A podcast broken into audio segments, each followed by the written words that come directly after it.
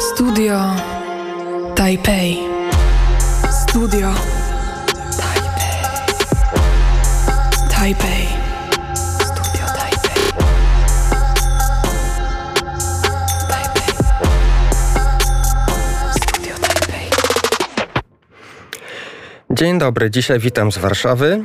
Chciałem, ponieważ tyle się dzieje teraz e, w cieśninie tajwańskiej, więc chciałem trochę odnieść się do tych, e, jakby skąd to wszystko wynika.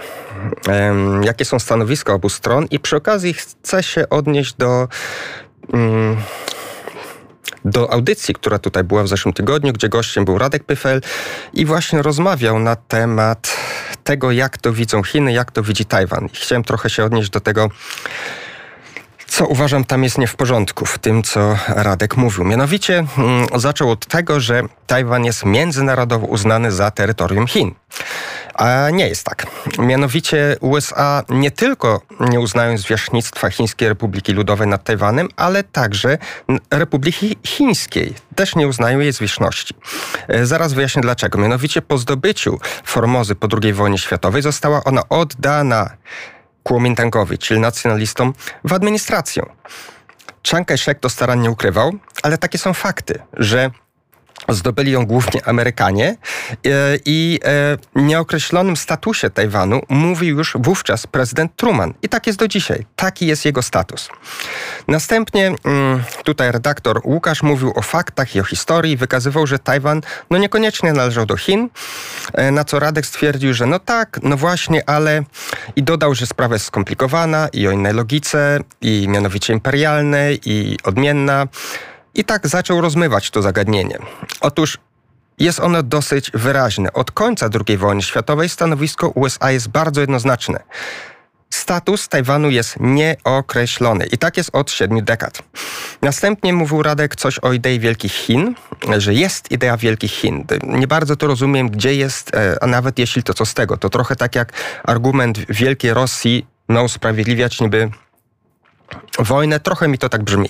Następnie była kwestia trzech em, etapów uznawania zwierzchności Pekinu nad Tajwanem. Też nie bardzo wiem o co tu chodzi, to jest jakaś nowość, bo była i istnieje jedna zasada. Znowuż, em, nieokreślonego statusu Tajwanu. E, to jeszcze za chwilkę kilka słów na ten temat. Następnie Radek mówi o tym, że, tu cytuję, Chiny są jedynym reprezentantem rozciągającym władztwo na terytorium Chin. Jest to Pekin.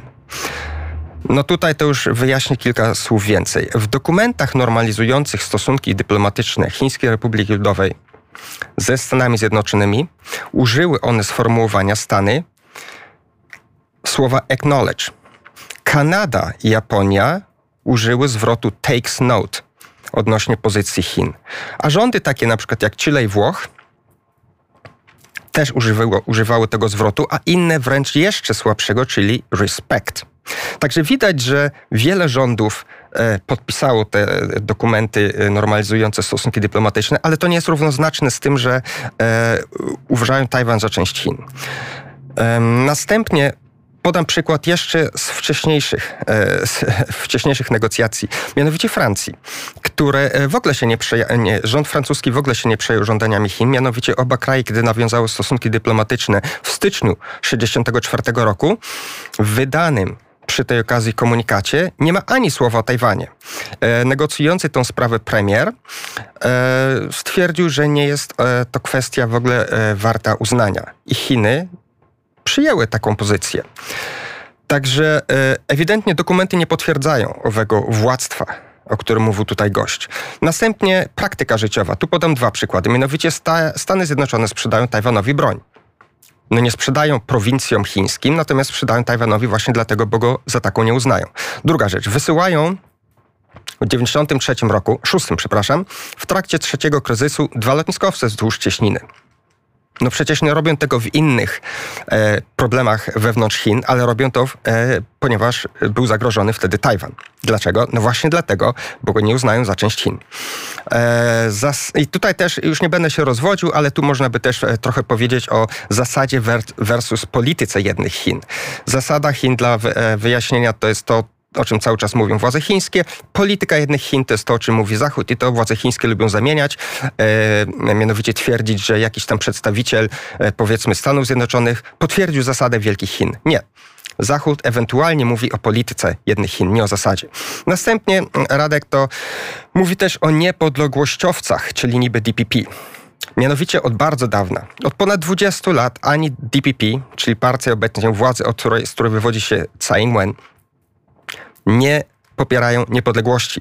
Nie można mówić na nich niepodległościowcami, bo oni już ponad 20 lat temu stwierdzili, że tej pozycji nie popierają.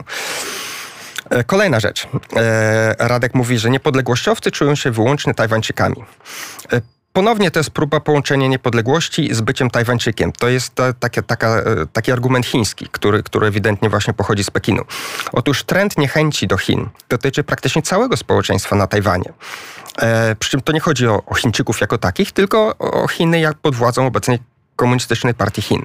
I także potomcy nacjonalistów, czyli Kuomintangu, też y, należą do tego nurtu i też szczególnie młode pokolenie. I tak według badań z 2020 roku ponad 80% społeczeństwa nie czuje się Chińczykami. Czyli y, wchodzą w, w ten skład i ci, którzy głosują na e, DPP i na Kuomintang bo jest to praktycznie całe społeczeństwo.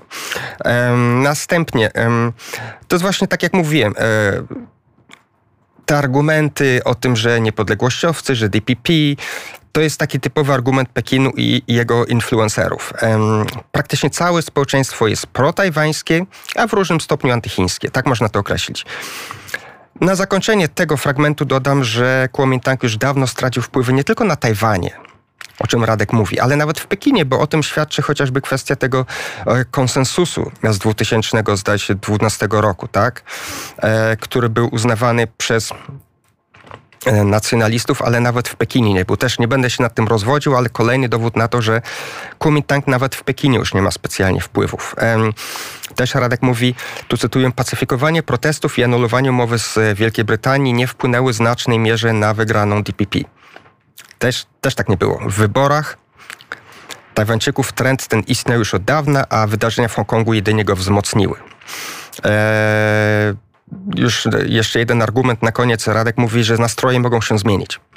No, nie, nie bardzo wiem, jak się zmienić. Czyli co kilka dekad e, wykształcenia się świadomości tajwańskiej ma się nagle, nagle zmienić i, i w jakim kierunku? To znaczy, mają nagle Tajwańczycy popierać komunistyczną partię Chin, nie bardzo widzę jaka zmiana i jakie nastroje. One są wyraźnie zdefiniowane. Na szczęście w ostatnim już momencie jeszcze wspomina Radek właśnie o tym strategic ambiguity, czyli e, nieokreśleniu, to jest to, co, o czym mówiłem wcześniej, o tym nie, nieokreślonym stanie. Na samo zakończenie jeszcze kilka uwag ode mnie e, że niezależnie od tego, co myślą władze chińskie, w obecnym jakby standardem prawa międzynarodowego jest, że w takich sytuacjach przeprowadza się referendum, tak jak mieliśmy przed akcesją do Unii Europejskiej. I tak naprawdę tak powinno się to odbyć, że Tajwańczycy powinni być spytani referendum, czego chcą, no i w zależności od tego przyłączyć się do Chin lub nie. E, następna rzecz. To też jest dosyć częste, że e, gość opowiadał o punkcie, punkcie widzenia komunistycznej partii Chin, może Stanów, ale nie pojawiała się w ogóle wizja Tajwańczyków w tej narracji nie istnieli. E, no i też uważam, że jest to nie w porządku. E, przy czym muszę powiedzieć, że i ja, i mój kolega z Kaosiągu i jeszcze inna osoba z Taipei zwracały Radkowi publicznie e, na Twitterze wielokrotnie uwagę. Punktowaliśmy mu te nieścisłości, czy brak wiedzy, czy już nie chcę użyć ostrzejszych słów. Także, także on o tym wie. A jednak nadal foruje tę linię. Na koniec dwa argumenty, że Tajwan był tak naprawdę oficjalną prowincją Chin przez mniej niż dekadę, pod sam koniec mandżurskiej dynastii Qing. I teraz, no według tej logiki, skoro Tajwan był, należał do bytu wyższego tej dynastii, która nawet nie była chińska, to według tej logiki kraje, które na przykład należały do Imperium Brytyjskiego, kraj A, mógłby teraz zażądać wpływu na kraj B. No bo to jest dokładnie ta sama sytuacja. Jest jakiś większy twór imperium, i tak jak Chiny i Tajwan należały, to tak jak w Imperium Brytyjskim, różne kraje mogłyby żądać teraz nadrzędności nad innymi krajami. I na sam koniec oddam głos Tajwańczykom. Mianowicie e, tam jest taki dowcip, mówią między sobą, że skoro Tajwan był kolonią chińską, a wcześniej był hiszpańską i portugalską, no to według tej logiki znowuż może powinien należeć do Unii Europejskiej, skoro należał do krajów, które obecnie do tej Unii należą. Także to Mam nadzieję, że to trochę wyjaśni nieścisłości i y, trochę dzięki właśnie Radio Wnet jestem w stanie ten taki odmienny punkt widzenia przekazać, za co jestem bardzo wdzięczny. Dziękuję bardzo i życzę miłego dnia. Studio Taipei. Studio Taipei. Taipei.